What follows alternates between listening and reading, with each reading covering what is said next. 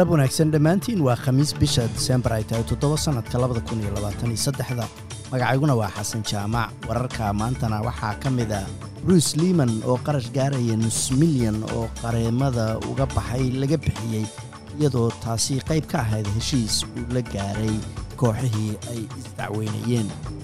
saddex qof oo lagu toogtay jaamacadda nevada ee dalka maraykanka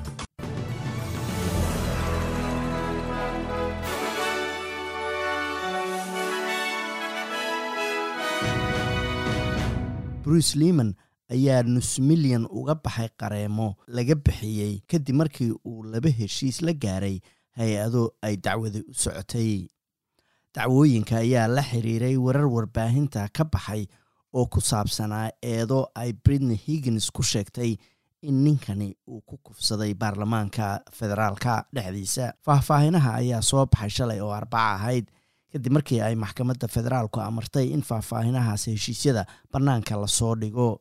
iyadoo hadda ay socoto dacwo kale oo uu sumcad dilid ku eedeeyey janal ten iyo weriye lisa wilkinson. Mid ka mida labada heshiis ayuu la gaaray a b c da waxaana a b c du ay bixisay lacag gaaraysa boqol iyo konton kun oo master liman uga baxday qareemadiisa. Sidoo kale a b c da ayaa lagu amray inay facebookeeda ka saarto muuqaalka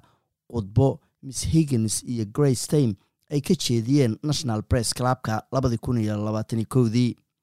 heshiiska ayaa sidoo kale dhigayay in a b c da laga rabo inaysan muuqaalka khudbadaasi youtube-ka mar kale ku soo celin. Saddex qof ayaa toogasho lagu dilay kambaska ugu weynay jaamacadda nevare ee dalka maraykanka iyadoo dhiiggaas jaamacadda ku daatay uu ku soo afjarmay markii ninkii dadkaas la sheegay inuu toogtay isna la dilay ama uu dhintay.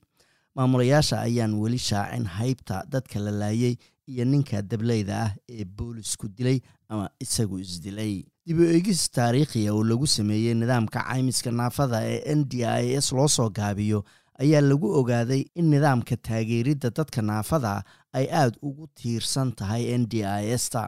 taasina keentay in dadka isticmaalaa aysan haysan adeegyo kale oo ay kala dooran karaan.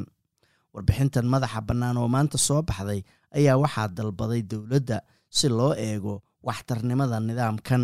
iyadoo qarashka ku baxa uu gaaray heerkii ugu sarreeyey ee uusan ku sii socon karin isagoo sanadkiiba kordhaya afar iyo toban boqolkiiba. Ku-xigeenada hogaamiyaha xisbiga liberaalka susan lee ayaa ugu baaqday dowladda albanisi inay raaligelin siiso shacabka australia iyadoo laybarku hadda doonaya inuu dib xarigga ugu celiyo dad aan muwaadiniin ahayn oo dhowaan la soo daayey oo la sheegay inay khatar ku yihiin amniga ama ammaanka bulshada dowladda ayaan shaacin tirada dadka ajaaniibta ee ay doonayso in xabsiyada ama xarigga lagu celiyo iyadoo loo isticmaalayo sharciga cusub ee baarlamaanka laga ansixiyey shalay oo arbaco ahayd.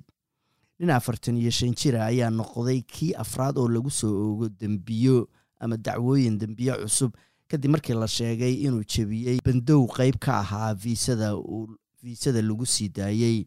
uuna ninkaani alaab ama boorsooyin ka xaday ayaa layidhi garoonka diyaaradaha dalal caraba ayaa sheegay inay meeshii u dambeysay u marayso qaraar ay golaha ammaanka uga doonayaan in lagu baaqo xabad joojin ka dhacda khaza dhanka kalena ra'iisul wasaaraha israa'iil benjamin netanyahu ayaa sheegaya in militariga israa'iil ay ku hareereysan yihiin guriga hogaamiyaha sare ee xamaas yaxya sinwar. Saadaasha hawada berita oo jimcaha melbourne waa dabaylo ayaa la filaya soddon iyo shan bayna gaaraysaa sydney waa qayb ahaan daruur iyo labaatan iyo sideed